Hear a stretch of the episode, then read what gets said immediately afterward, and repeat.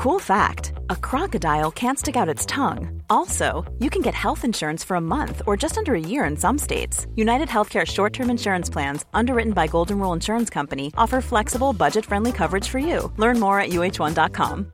This is Paige, the co-host of Giggly Squad, and I want to tell you about a company that I've been loving, Olive and June. Olive and June gives you everything that you need for a salon quality manicure in one box. And if you break it down, it really comes out to $2 a manicure, which is absolutely insane. It's also so easy to get salon worthy nails at home with Olive and June. The difference between how your nails used to look when you did them yourself and now with the Manny system is a complete game changer. The best thing about Olive and June too is it's a quick dry. Dries in about one minute, lasts for five days, and full coverage in up to one to two coats. Visit oliveandjune.com slash perfectmanny20 for 20% off your first system. That's oliveandjune.com slash perfectmanny20 for 20% off your first system. Millions of people have lost weight with personalized plans from Noom, like Evan, who can't stand salads and still lost 50 pounds. Salads, generally, for most people, are the easy button, right?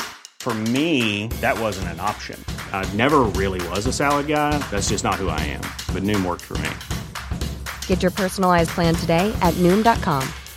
Real Noom user compensated to provide their story. In four weeks, the typical Noom user can expect to lose one to two pounds per week. Individual results may vary. Det är ju det här som kommer definiera ditt liv. Det är vilka som sitter på kanten här. Det är inte vilken lön du har haft, det är inte vilken bostad du har haft, det är inte vilken bil. Det är de som sitter här på kanten.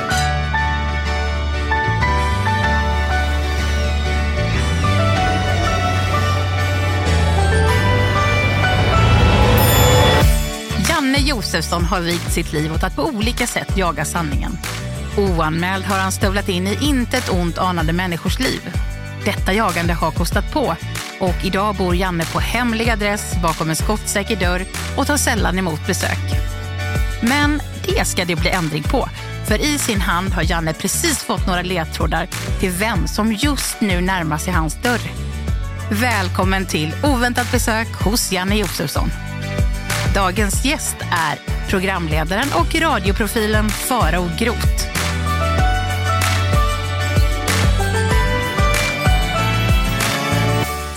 Alltså, jag känner ju doften av både guldspadar och... Eh, jag undrar hur många guldspadar han har. Har han ens en guldspade? Ja, det måste han ju ha. Han måste ha en guldspade. Nej, men faktum är den att jag är lite nervös, lite upprymd. Janne Josefsson har ju faktiskt förändrat mitt liv. Det är inte så många som vet om det, men han eh, gjorde ett reportage som verkligen, eh, verkligen förändrade mitt liv. Så det ska bli spännande att få lite, höra lite om det. Och jag är liksom mer, mer nyfiken på att få träffa honom än att han ska få träffa mig. Jag är ju blott en ödmjuk, jag är så jordnära och ödmjuk. Världens härligaste skratt. Har bott i London. Mhm. Såg dig, Janne, i ett inslag om trafficking när ex var ung och blev själv inspirerad. Engagerad i frågan om trafficking. Har även programlett ett relationsprogram på SVT innan. Relationsprogram i SVT. Växte upp i Borlänge. Mamma sydde kläder till ex som ex kunde uppträda i. Sydde kläder som ex. Har bott i London. Åh! Katrin, eh, vad heter hon? Kattis. Så här är det, för 20 år sedan så gjorde jag tv-debut i SVTs böglobbyn och det spelas in på SVT Göteborg.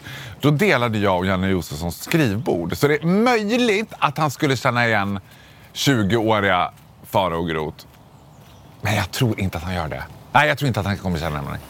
Arbetarna ex inte syns i media med di, Dio-produkter. Dior, Dior-produkter. Alltså eh, parfym. Ja, det är en tjej. Ett namn. Ett namn. Jag sa Kattis, men det stryker jag. Eh, kan imitera kabinpersonalen på Lufthansa bättre än alla andra. In Namen der gesamten Besetzung und deras Kapitän an Bord begrüßen wir Sie zu dieser Lufthansa-Flug. Har bott i Rom och studerat italienska. Hon är intresserad av hästar och har två syskon. Är flitig besökare i ett kommersiellt radioprogram varje vecka där X berättar historier ur sitt liv. Döptes till ett annat namn än det X har idag.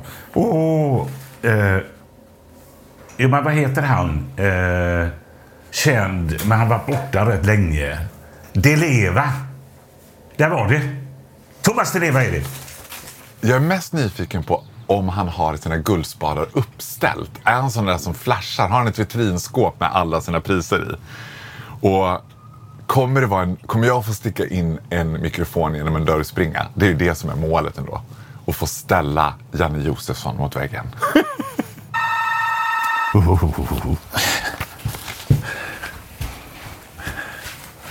Välkommen. Tackar, då kliver vi på. Ja. Men det låter som en kille ju. Ändå att han har sitt... Han har ju ändå liksom sitt namn på dörren. Det är orädd.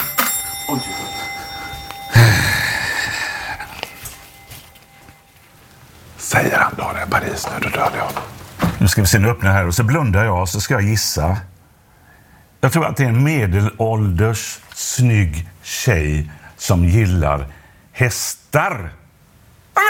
Nej, men herregud! Vad roligt! Vad roligt! Vad var det jag sett dig senast? Jag såg dig för inte så länge sedan. I, var det... Ja, det måste vara på tv. Ja, men i Melodifestivalen. Nej! Nej, men... Jo, men du var med någonting som jag såg. Kom in, kom in, kom in. Han mörkar Ja, du har ett skratt som är... Det kunde ha varit Melodifestivalen. Vad roligt. Har vi träffats någon gång? Ja, vet du vad? Det har vi gjort. Och det har vi gjort, men det är full, full förståelse för att... Jag lägger den här bara. Ja, ja det absolut. Absolut. Att du inte kommer ihåg det. För vi, jag tror att vi sågs ordentligt för 20 år sedan. Då delade vi skrivbord. Skojar du? Nej. Det var 20 år Det är väl sedan. du som man kallas farao? Ja, heter Faro. Ja, du heter Ja, farao! men då är Han vet hur det är! Han Ja, vet hur det är! det, ja du, du måste få hälsa på min eh, yngste son och hans eh, tjej här. Hej, hej Faro. Gud, vad, det såg ut som i Piratpodden här, Faro. Ja, men nu sätter vi oss här. Vi ska skapa mediehistoria här.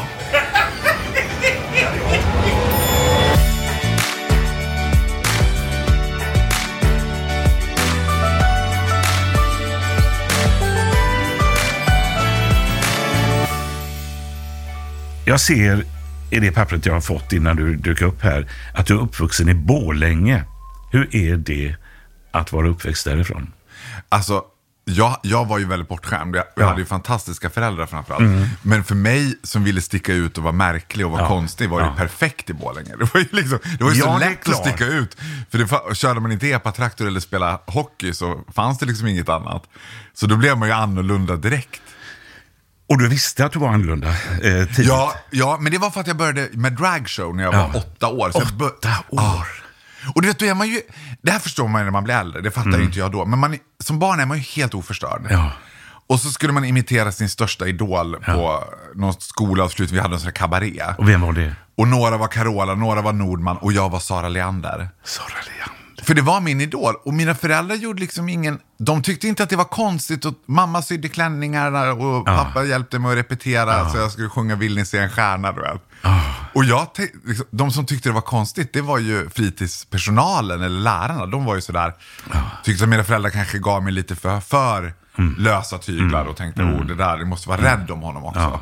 För Borlänge var ju, under tiden jag bodde där, Sveriges kriminellaste stad.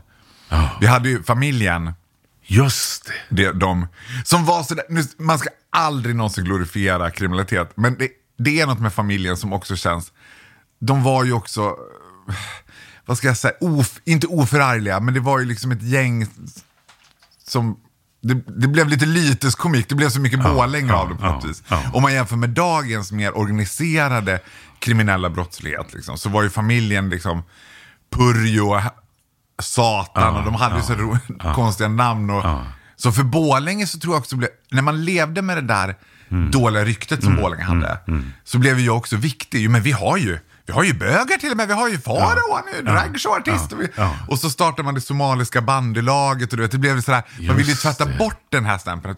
Här är, det här är trevligt folk, du vet. Borlänge är ändå en bra stad och peace and love och du vet. Så gick det åt helvete. Så Men du har ju inte den dialekten.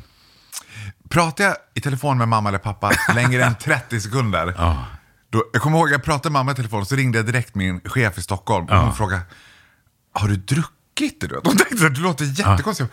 Nej, vad menar du? Är det Ja, något då kommer konstigt? det. Då kommer det direkt. Ja. Men det hör man ju inte själv. Nej. Jag hör ju inte det. Nej. Men varför har- försvann den tror du?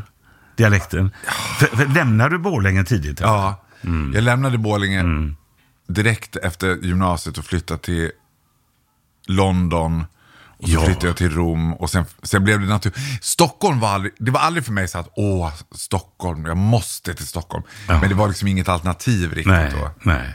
Att jag skulle bo kvar i Borlänge och jobba med det jag ville jobba med och göra det jag ville göra. Ja. Men i Borlänge, det är det här som är så Mm. Det är därför jag såg så mycket fram, fram emot att få träffa dig också. En av anledningarna. Jag gick i skolan i Falun. Mm. Och så såg jag, om det var Uppdrag granskning eller om det var Striptease som gjorde Lilja for real. ja. Och det tog... Striptease. Ja, Ja, ja. och för, du vet, jag tänker så här, man blir matad varje dag med fruktansvärda saker.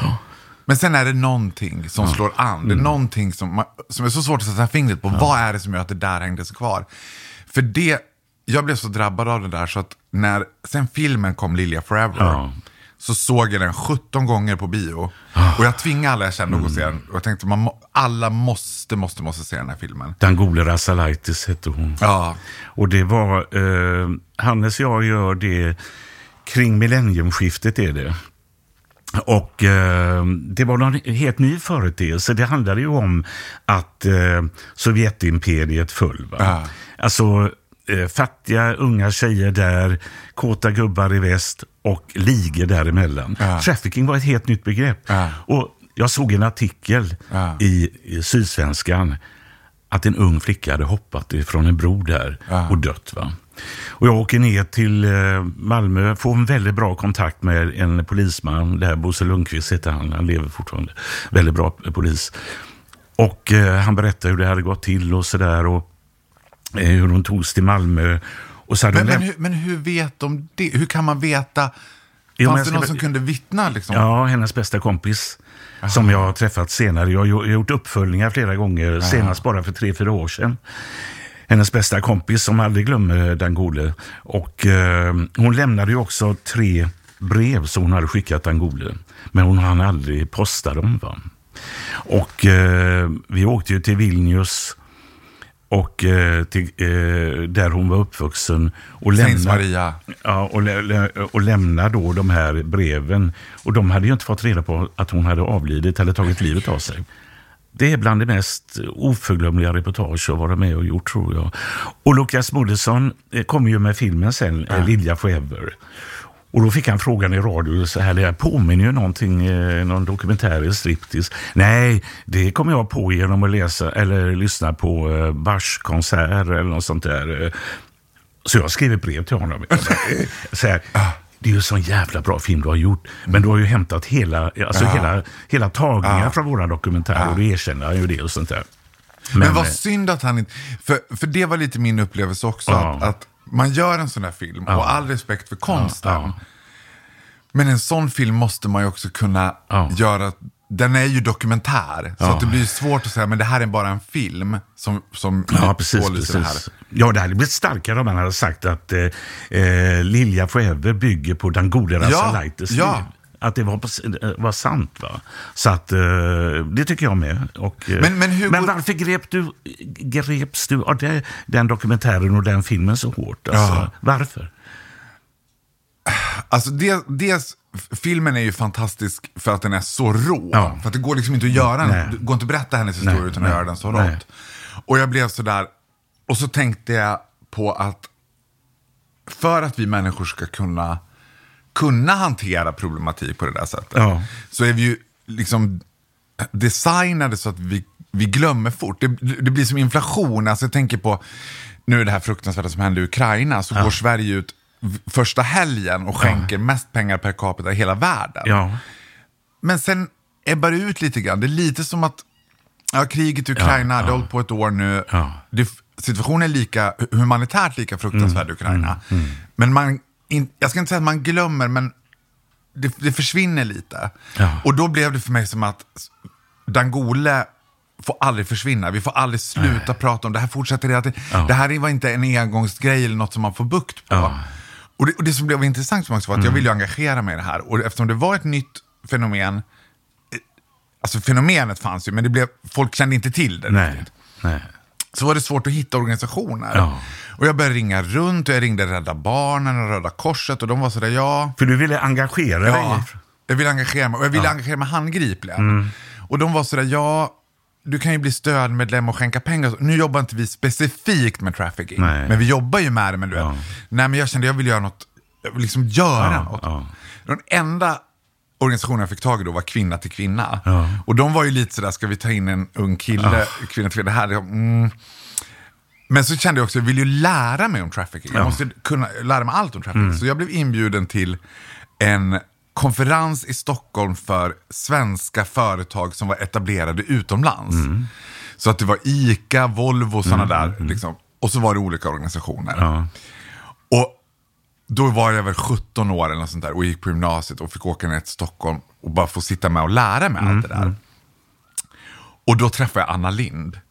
Och hon hade väl hört, det hade väl spridits att det var liksom en gymnasieelev från Falun som hade velat engagera sig. Så hon kom fram till mig och sa så här, liksom, du, du har mitt och regeringens stöd i ditt engagemang mot det här. Och jag tänkte bara, gud, vad har, nu har jag startat en snöboll här. Ska jag? Och på den konferensen så fick jag kontakt med en organisation som heter ECPAT, som Ja, då var väldigt liten. Känner jag till. De var jätte, jättesmå, liksom, men jobbade Ja. Mm. specifikt med sexuell explo- eh, kommersiell sexuell exploatering av barn. Och sen började jag jobba för dem och åkte runt och föreläste om trafficking. Åh, och- fasiken. Ja. Because of you. Ja, vad Ja, men det är så häftigt att se alltså, vad sånt där, alltså, för jag menar, jag förstår att det där reportaget har levt kvar i dig. Ja, men så många gjort. det berör också så här, och, och vad viktigt det är att ge, ge ringar på vattnet. Och ma, vad man då i journalistikens namn, Ja. i berättandet. Ja. När Hannes och jag åker genom hela Europa, hela Europa, så vi är i Albanien, vi är överallt. Va? Så möter vi också den här lilla flickan, Susanna, som polisen tar eh, och hon ska säljas till, en, till Turkiet eh, och hon är eh, prostituerad längs E55. Hon är då 13-14 år någonting. Och jag berörs oerhört och Hannes berörs och Bengt Jägerskog fotograf och sånt där. Och vi åker och hälsar på henne sen eh, på hemmet där. Och vi har gjort eh, uppföljningar. Och jag har fortfarande kontakt med henne. Men jag ställer mig själv frågan ibland, varför tar jag inte hand om henne? Varför tar jag inte hand om eh, han som jag gjorde av när de eh, plockade ner hela psykvården som bodde på ett, en soptipp i Stockholm och gjorde gjorde sin eh, hygien i en container och sånt där.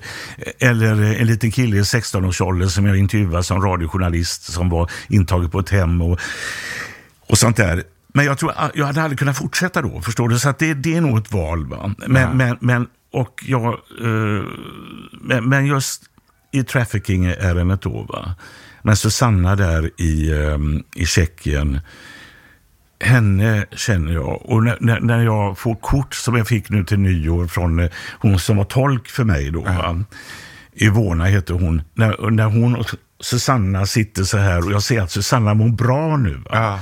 För när vi gjorde en uppföljning så var, ju, det var hon ännu värre i det. Va? När det hade gått 15 år, då hade, gick hon på eh, metafetamin så hon var alldeles sprucken så här. Och, eh, så att uppgiften för mig är ju att bli väldigt konkret. Jag vill ut bland människor. Va? Och, och på det sättet beskriva. Jag, vill inte, jag, jag, jag har sällan med folk som gör teorier och olika grejer. Utan ut i Bergsjön om jag ska göra Bergsjön. Eller Fittja Paradiso som jag gör. Va? Och det, det, jag älskar det livet och det, därför är det så svårt att lägga av. Kommer du någonsin att klara det? Det gör man väl aldrig riktigt?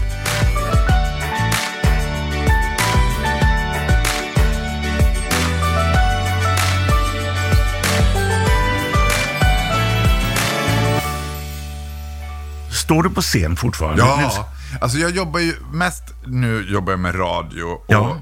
tv. Ja. Men idag blir man ju liksom... Ska du jobba med Kattis? Nej? Nej. Nej, men du ska jobba med TV, ett SVT-program va? Ja. Jag trodde det var Kattis, jag sa. Det första jag trodde det var, istället för du, det var Kattis Ahlström.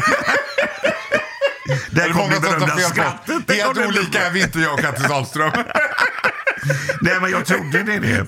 Men, Borlänges svar på Katte hon, har- hon är ju fantastisk, men hon har inte sånt härligt skratt. Alltså, Det är Sveriges mest välfakturerade skratt. är det det? Alltså, du kan inte stå på scen utan att det kommer fram. Nej, det kommer alltid fram.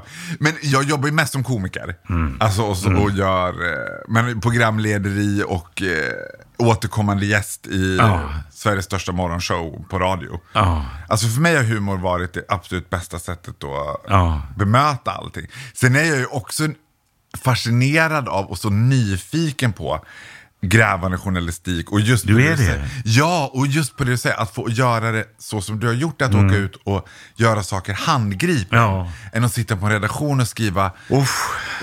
spaltmeter är spaltmeter. Nej. Men, men, Nej. Och, Nej. liksom, och, och idag när alla på något sätt, tack vare sociala medier, så blir alla journalister på något sätt. Alla får en plattform, alla får en röst. Ja. Och vad är faran med det? Är det bra att det är så? Eller är det liksom... Jag hade sånt fantastiskt... Det finns inga, ingen yrkesgrupp i världen som är så spännande att prata med som taxichaufförer. Nej. Taxichaufförer har sett allt. Alltså, kommer man någonstans och vill lära känna en stad, Mm. då ska man åka taxi. Sätt dig i taxin och åk runt en timme och prata med taxichauffören. För det första kommer de oftast inte från Sverige, så de har fantastiska berättelser om sitt land. Ja, ja. Sen kan de staden bättre än någon annan.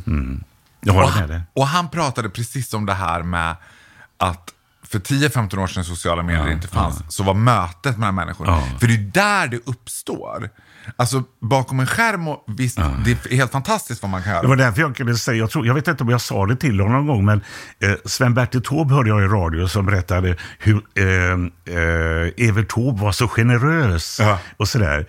Men jag vet inte hur många taxichaufförer i Stockholm som har sagt till mig så här, Evert Taube har kört, han betalade aldrig för sig. Du vet vem som inte heller betalar för sig? Nej. Prinsessan Lilian.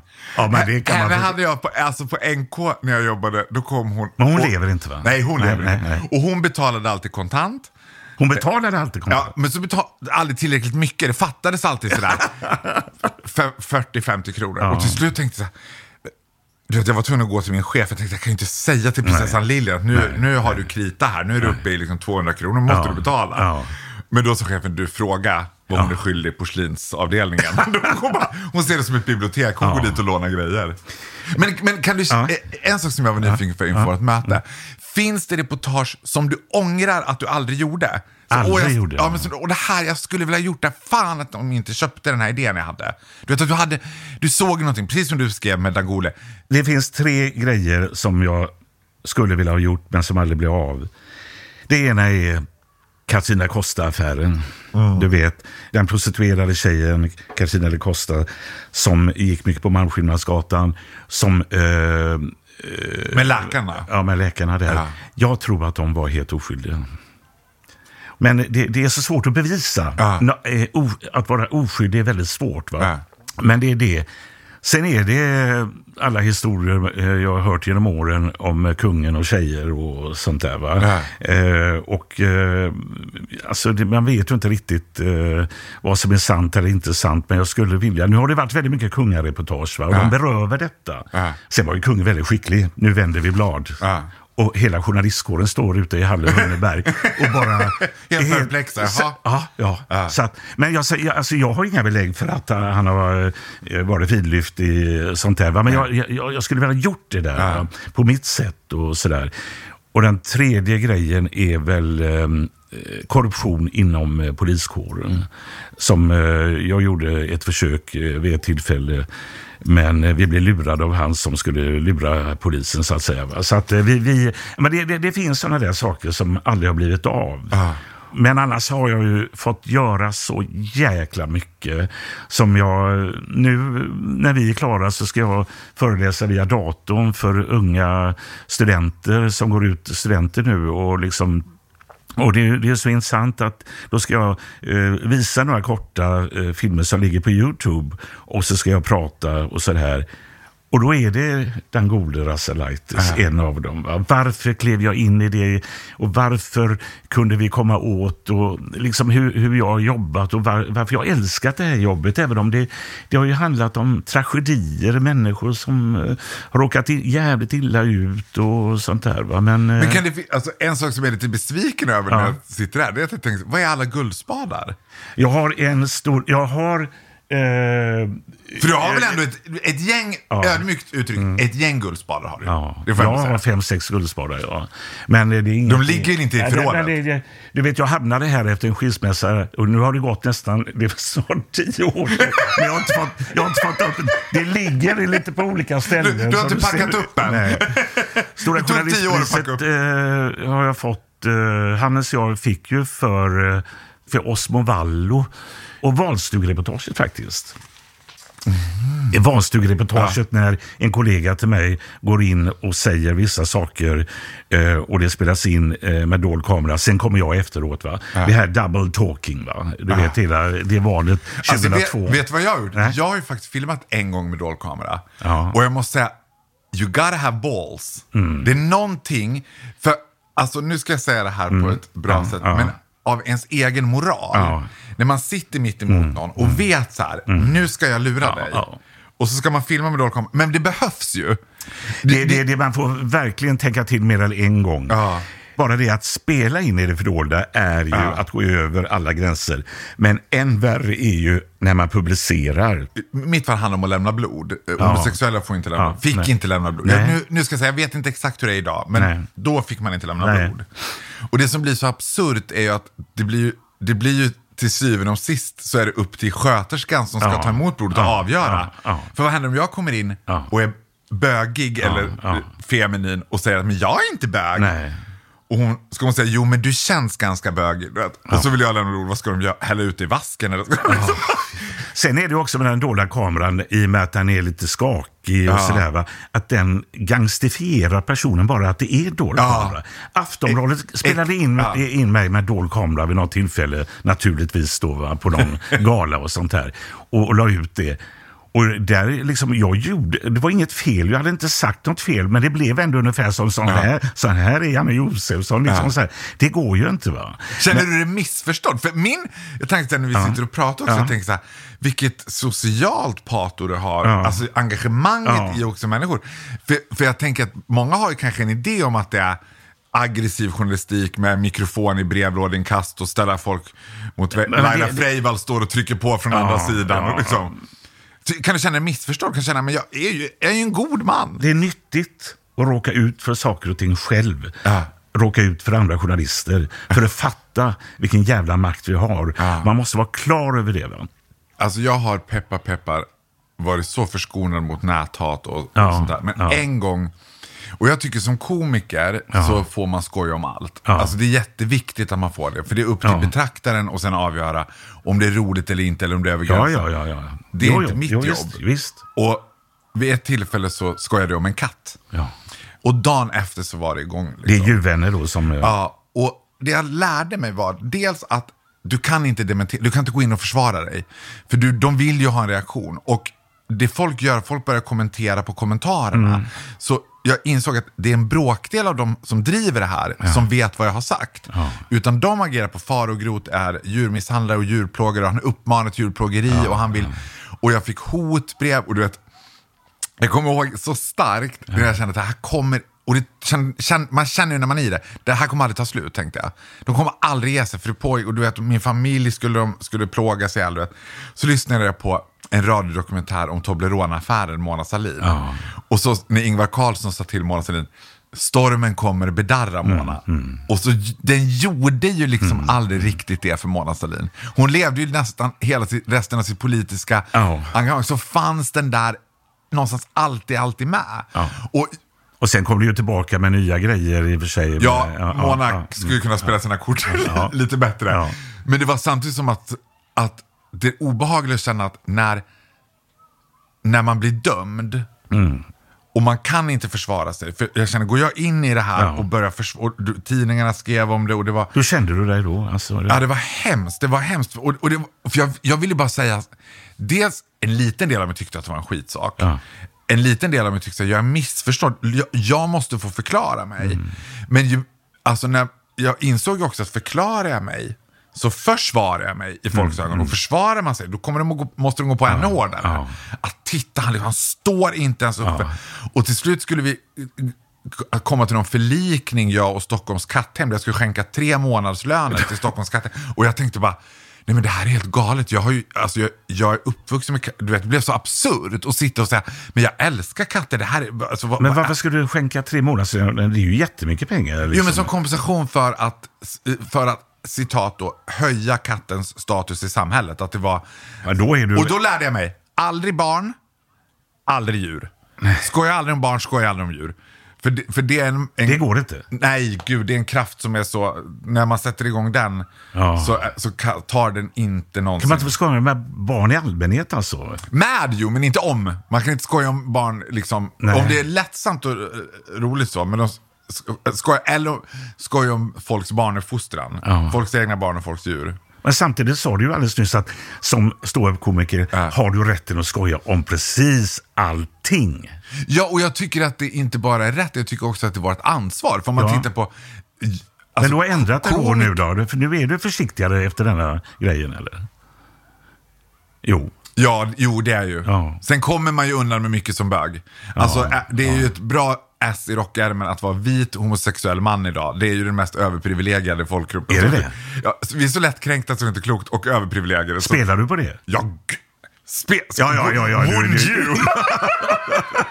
alltså, du vet, jag kommer ihåg, jag fick av någon sorts absurd anledning så fick jag en jättenära relation med Skellefteå. Ja. Staden Skellefteå. Ja. Bara, bara gjorde mig till hedersmedborgare och tog mig till sitt hjärta. Nej. Så fick jag gå på Skellefteå AIKs Ja. eh, liksom, match. Och satt med deras eh, sportchef och, du vet, sådär. och så sa han till mig så här, Faro, vinner killarna matchen nu, då, då får du gå in i omklädningsrummet och Ja, träffa dem. ja. Så tänkte jag, gå in i omklädningsrummet och träffa dem. Men inser du vad du säger? Ska du släppa in en riksbög i deras omklädningsrum? Alltså, för, vänd på det. Ja. Hade två män suttit och tittat på konståkning Ja. och sagt så här, du, sätter hon en trippeltålo nu, då, då får du se när hon duschar. alltså då hade man ju tyckt, det är helt absurt. Men här var det som att det med bögar, det bara kul, det bara härligt. Så utnyttja det. Ja.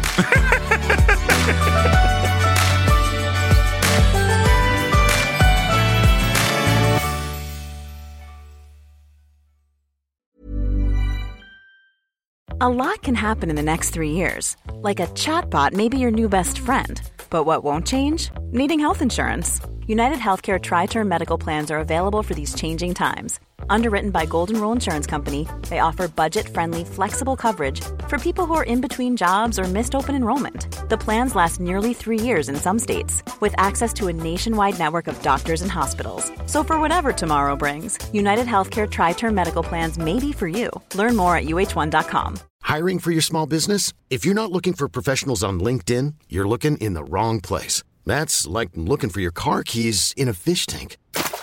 LinkedIn helps you hire professionals you can't find anywhere else, even those who aren't actively searching for a new job but might be open to the perfect role. In a given month, over 70% of LinkedIn users don't even visit other leading job sites. So start looking in the right place. With LinkedIn, you can hire professionals like a professional. Post your free job on linkedin.com slash achieve today. Many of us have those stubborn pounds that seem impossible to lose, no matter how good we eat or how hard we work out. My solution is PlushCare.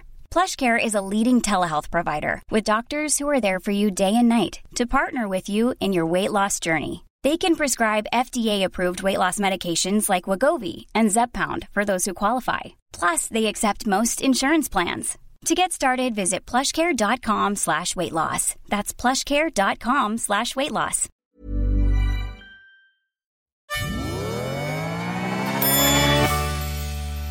Det är klart att du är förknippad med att du är vit och du är bög och alltihopa det här Mm. och det står upp och sånt här.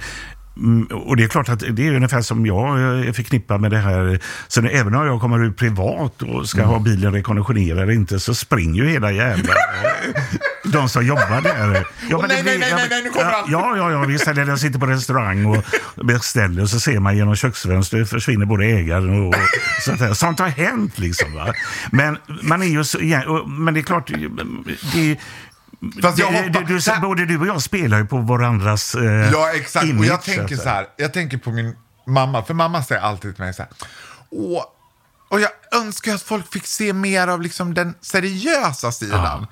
Och med det så är mamma också jättesupportive i det komiska. Men vad är din seriösa sida? Om jag skulle fråga din mamma. Men min seriösa Farao? Ja. sida, det är absolut ett brinnande socialt patos för människor. Och för, för det här när man handgripligen går in. För, när jag tänkte på kriget i Ukraina till exempel, Ja. det, för jag blev också Ja. jätteupptagen av det, som alla blev. Ja. Så finns det ju jättemycket politik att försöka förstå och Putin och du vet, eh, Och samtidigt tänkte jag så här, ja men till syvende och sist så är det ju människor, det är människor som har ett liv i städer i Mm, Ukraina. Du och jag kommer troligtvis inte behöva överleva. Nej. Vi jobbar och tjänar pengar för Mm, en välfärd, men vi behöver inte göra det för att överleva. Nej, nej. Om man tänker på de här tjejerna från öststatsländerna till exempel som prostituerade sig. Det är inte ett val. Mm, Nej. Det är inte ett val. Och många, och och nu eh, går jag igång, Ja, ja, alltså många säger så men ytterst är det ett val. Och jag menar, har man valt att prostituera sig? Nej, det har man inte gjort. Alltså, du kan inte för ditt liv förstå. När du står, om det, om det står mellan det och döden, Mm. jo okej, visst det kanske är ett val då. Men vi kan aldrig någonsin. Nej. Och kan jag använda min plattform till att, om det så är att samla in pengar eller pålysa frågor, och så här, då är väl det fantastiskt. Det skjuts alltså, sprängs, skjuts, mördas mer i Sverige än något annat land. Nu hörde jag på radion här att de är rädda att det här smittar till andra länder i Europa. Varför? Vad är din förklaring? tänk, alltså, tänk dig Janne om vi satt här och kom på svaret till det. Ja, ja. Då, alltså, jag önskar att jag kom på svaret. Jag tror men, att- men har du exempel på länder som har lyckats med sin integration? Som har... Jag kan ju säga, jag, jag har ju varit mycket i USA till exempel. Där, där är det ju segregerat. Du kan komma till Kalifornien, eh, San Francisco. Asiaterna bor där, eh, Filippinerna bor där och sånt där. Men de har jobb. De är inte i någon bemärkelse ändå integrerade på det sättet. Va? Jag har så svårt att se hur man kan, och jag menar USA som, som du säger, som ibland tas som ett exempel på, där integrationen är så misslyckad så att Ja. man har snarare bara byggt ett Ja. samhälle som Ja. bygger på att man accepterar att det är så. Ja. Istället för att jobba emot det så är man så här, alltså målet skulle ju bli att Barack Obama blev president, inte att han blev den första svarta presidenten. Nej, nej. Att det ska inte vara ett epitet. Nej, nej. Alltså lika... Ja. Jag, jag tänker så här, målet med HBTQ till exempel, Ja. det är ju att vi inte ska behöva komma ut längre. Jag tänker så mycket Ja, jag fattar. Jag Jag, fattar. liksom, Min kärlek till Skellefteå gjorde att jag blev så engagerad i hockey Ja. och tycker hockey. Ja, ja. Och, och sport är ju spännande på ett sätt att det förenar ju folk oavsett religion, hudfärg, något. sport eller någonting annat. Mm. Och så är det mycket prat om så här, men vi, när kommer den första elithockeyspelaren ut som homosexuell? Och så tänker jag så här, ja men det bästa vore väl om han aldrig kom ut. För han vill ju spela hockey. Varför ska han... För det som händer Ja. när han sätter på sig Ja, det regnbågsflaggan, bra. Ja, det är att han blir martyr. Då ska han plötsligt bli den första homosexuella. ja. Han vill, bara, han vill vara homosexuell och spela hockey. Låt honom... Alltså, Mm. det som hände med Anton Hysén till exempel var ju att han blev ju uppblåst i skyarna och över hela, blev i världspressen första. Så börjar man titta lite på han spelar inte fotboll på elitnivå. Det Nej, trodde man ju nej. utomlands, att det här är svenska landslag, han är du Mm, vet, första. Och det är lite farligt att skapa de där homosexuella Ja. galjonsfigurerna. Ja, För de vill ju bara spela, jag är övertygad om, det är klart det finns killar inom SHL som är homosexuella. Ja, ja. Låt dem böga. Ja. Det spelar väl ingen roll Nej, vad de gör. nej, nej. liksom. Det där kommer jag aldrig ha förståelse för. Egentligen ska inte det betyda någonting Nej. i den bemärkelsen. Är han homosexuell, han har rätt att vara det, Ja. det ska inte jag lägga mig i. Men jag behöver inte säga hylla honom för allt då. Och, eller? det, och det är det jag menar med, det är samma sak om du blir den första somaliska och vinner Ja. stora journalistpris Ja, till ja, exempel. ja, ja, visst. men då, det förtar lite av din journalistik. Ja, Ja, men jag är ju journalist framför allt. Ja. Sen råkar jag vara född i Somalia, Ja, ja, det är väl ja, en annan sak. ja, ja. Men då ska det följa med dig hela tiden som att, jo, men, och att han fick det trots att han är somalier, så fint. Bara,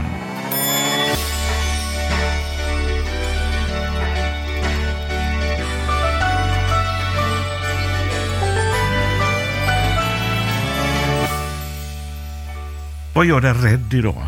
Vad är du rädd? Du, du måste vara, alltså, jag, är, jag är, är ju rädd just för sådana här grejer som är Ja, du vet, jag, vill inte, jag är ju rädd att gå till läkaren och jag är rädd att bli...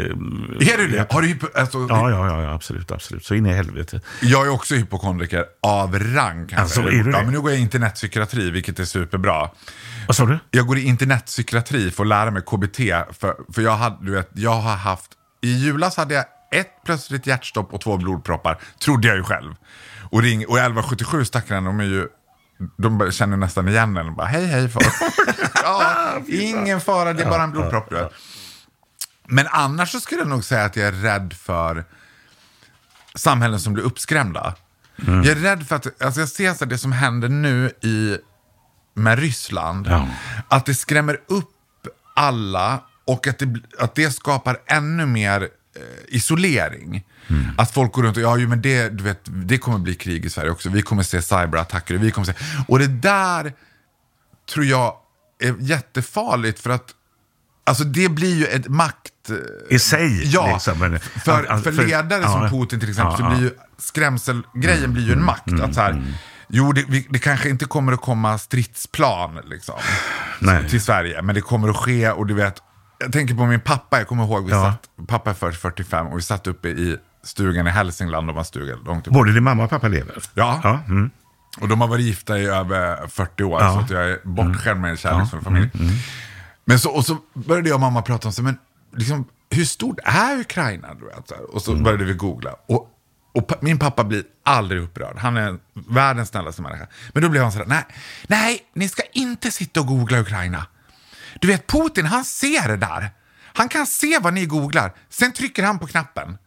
Och då tänkte jag, pappa är ju tvärsnitt av Han blir paranoid. Ja, men det är ju, ja, men det är ju också så medelsvensson fungerar tror jag. Man Ja. kommer från en generation som inte förstår Ja, internet. ja, man förstår inte riktigt, men man Nej. Mm. förstår att han håller koll. Och så blir jag så nyfiken, jag fråga pappa, men du det här trycka på knappen, tänker du att, tänker du att det är en knapp han har på som han sitter och, nej, nej, nu trycker jag. Men det är ruggiga tider nu ändå. Alltså det går inte bara att... Alltså det är riktigt ruggiga. Jag kan eh, få mardrömmar och just det här, jag kommer ihåg eh, för ett år sedan då så fick väl Leon då som är 18 nu då första gången så här eh, om det var inkallelse eller något sånt där. Och jag sa du, behöver aldrig, kommer, du kommer aldrig behöva eh, göra lumpen som jag gjorde. Och så där. Det finns inte på kartan. Och så kom detta. Va? Eh, han, han sa väl att han inte hade lust. Alltså, men eh, nu behövs det kanske. Det kommer att rekryteras. Vi har ju en helt ny värld nu i Europa. Och vi har, jag har haft en idé faktiskt ihop med ett produktionsbolag att försöka närma mig Putin och få göra en intervju. Liksom, va? Och, men det finns inte en chans. De rådgivare vi har haft sa nej, det, det är ingenting. Men, Men, men tror ni, då tänker jag så här, Ja.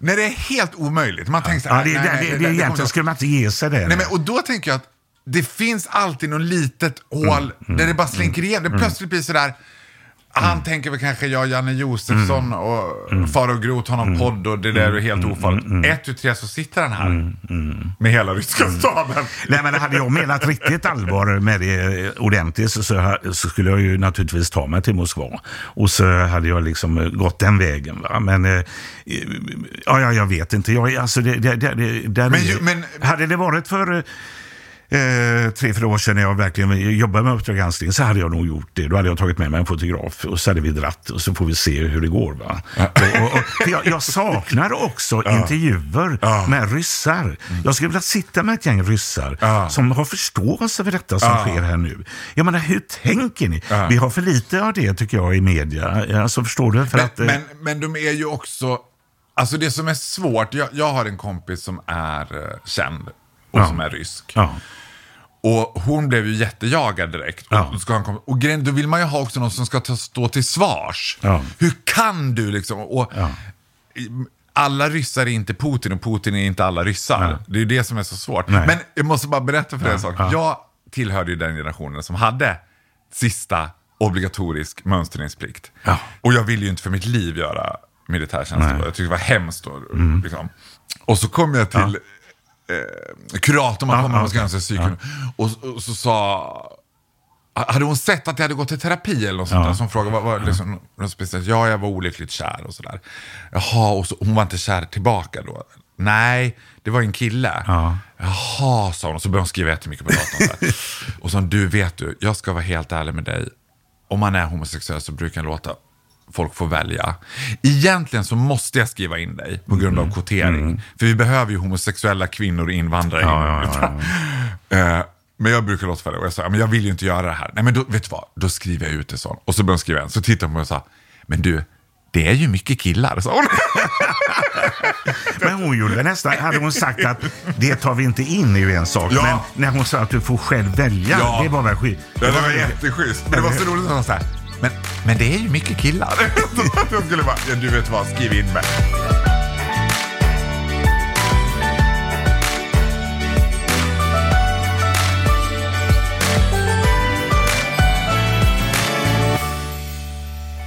Du, jag har bara två grejer kvar tänkte jag säga.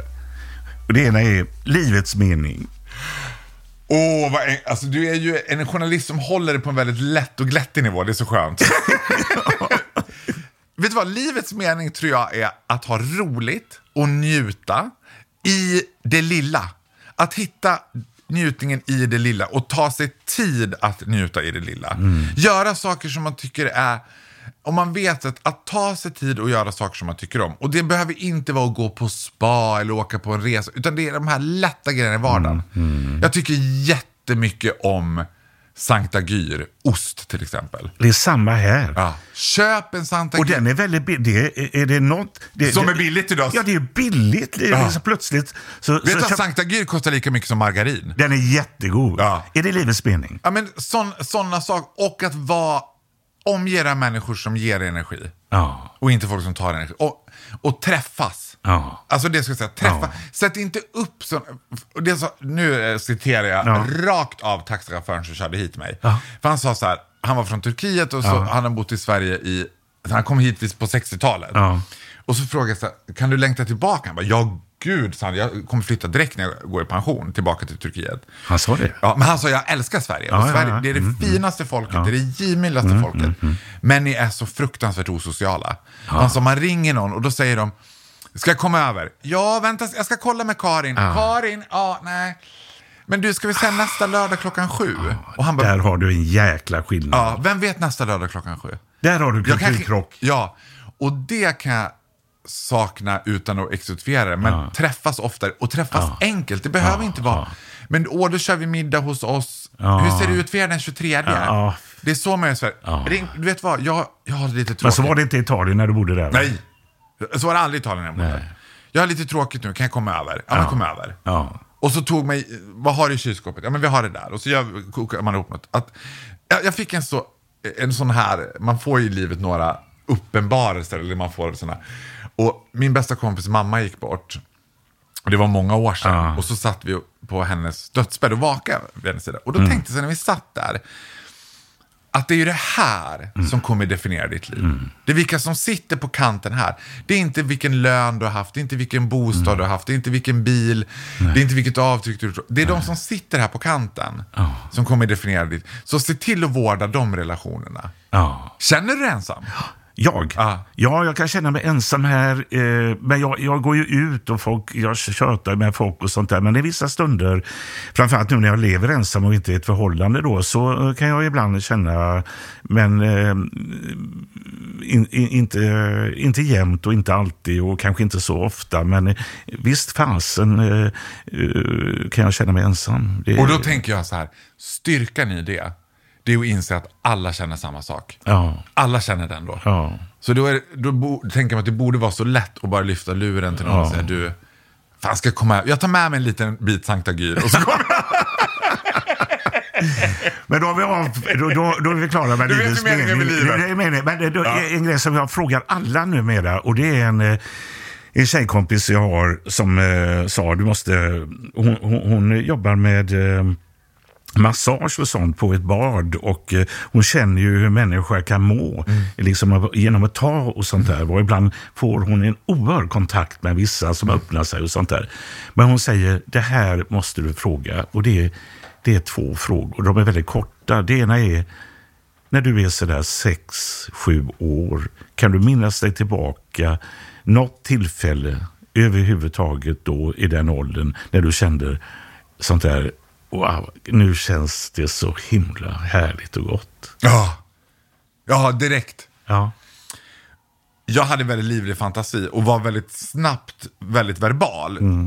Talet blev liksom ett vapen för mig. Ja. Och det berättade jag historier sådär. Och så plötsligt såg jag att jag fick fröknarna på, på förskolan och liksom, jag kunde fånga dem i min berättelse. Och jag berättade sådana historier så att mamma och pappa stackarna fick komma liksom och dementera. Jättemålande, jag blev jagad av en älg och det var en tjej som trillade ner i ett hål i vattnet och de lyfte upp henne med en lyftkran. Och hon hette Ramona och det hade sådär jätte... Och när jag såg så här, berättandets kraft. Ja. Att kunna sitta ner och berätta. För egentligen så är det faktiskt det jag gör som komiker också. Jag berättar historier. Ja. Jag berättar historier i radio, jag berättar historier i tv.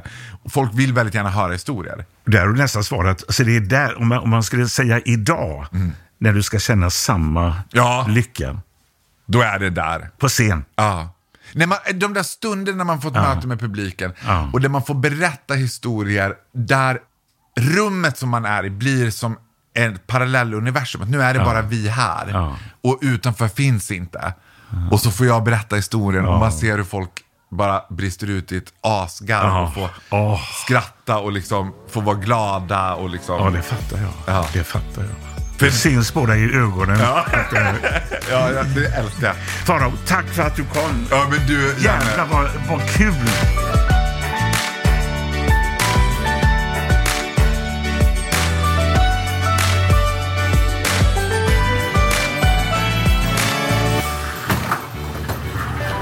Nej, men jag tyckte det var helt fantastiskt. Jag tyckte verkligen att det gick för fort. Alltså man älskar ju honom.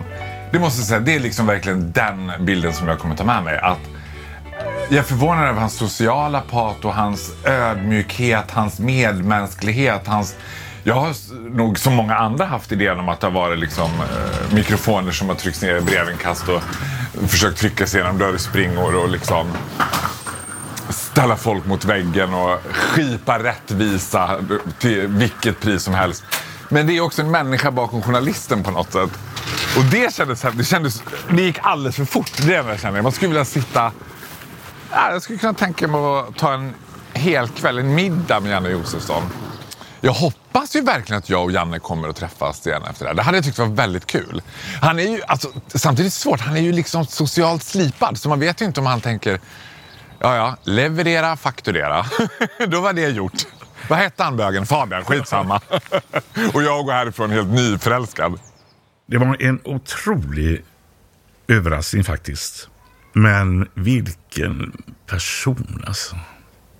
En sån... Och det här jävla skrattet alltså. Det är, ju- det är ju helt magiskt. Det är klart, det skulle man eh, få höra det tio gånger om dagen så kanske man inte hade orkat med det. Men, nej, men han, hela hans sätt att uttrycka sig, reflektera, se på livet, livets mening. Att han eh, så starkt har påverkats av eh, några reportage som jag och Hannes Råstam gjorde om trafficking för eh, 22 år sedan eller vad det var. Liksom. Det är ju helt jävla otroligt. Helt otroligt. Ja, det, det gör mig jätteglad. Verkligen.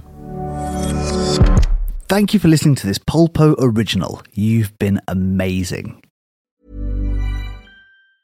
Planning for your next trip? Elevate your travel style with Quince. Quince has all the jet setting essentials you'll want for your next getaway, like European linen, premium luggage options, buttery soft Italian leather bags, and so much more. And it's all priced at 50 to 80% less than similar brands. Plus, Quince only works with factories that use safe and ethical manufacturing practices. Pack your bags with high-quality essentials you'll be wearing for vacations to come with Quince. Go to quince.com slash trip for free shipping and 365-day returns. Hi, I'm Daniel, founder of Pretty Litter. Did you know cats tend to hide symptoms of sickness and pain? I learned this the hard way after losing my cat, Gingy. So I created Pretty Litter, a health monitoring litter that helps detect early signs of illness by changing colors, saving you money and potentially your cat's life. Pretty Litter is veterinarian developed, and it's the easiest way to keep tabs on your fur baby's health right at home. Go to prettylitter.com and use code ACAST for 20% off your first order and a free cat toy. Terms and conditions apply. See site for details.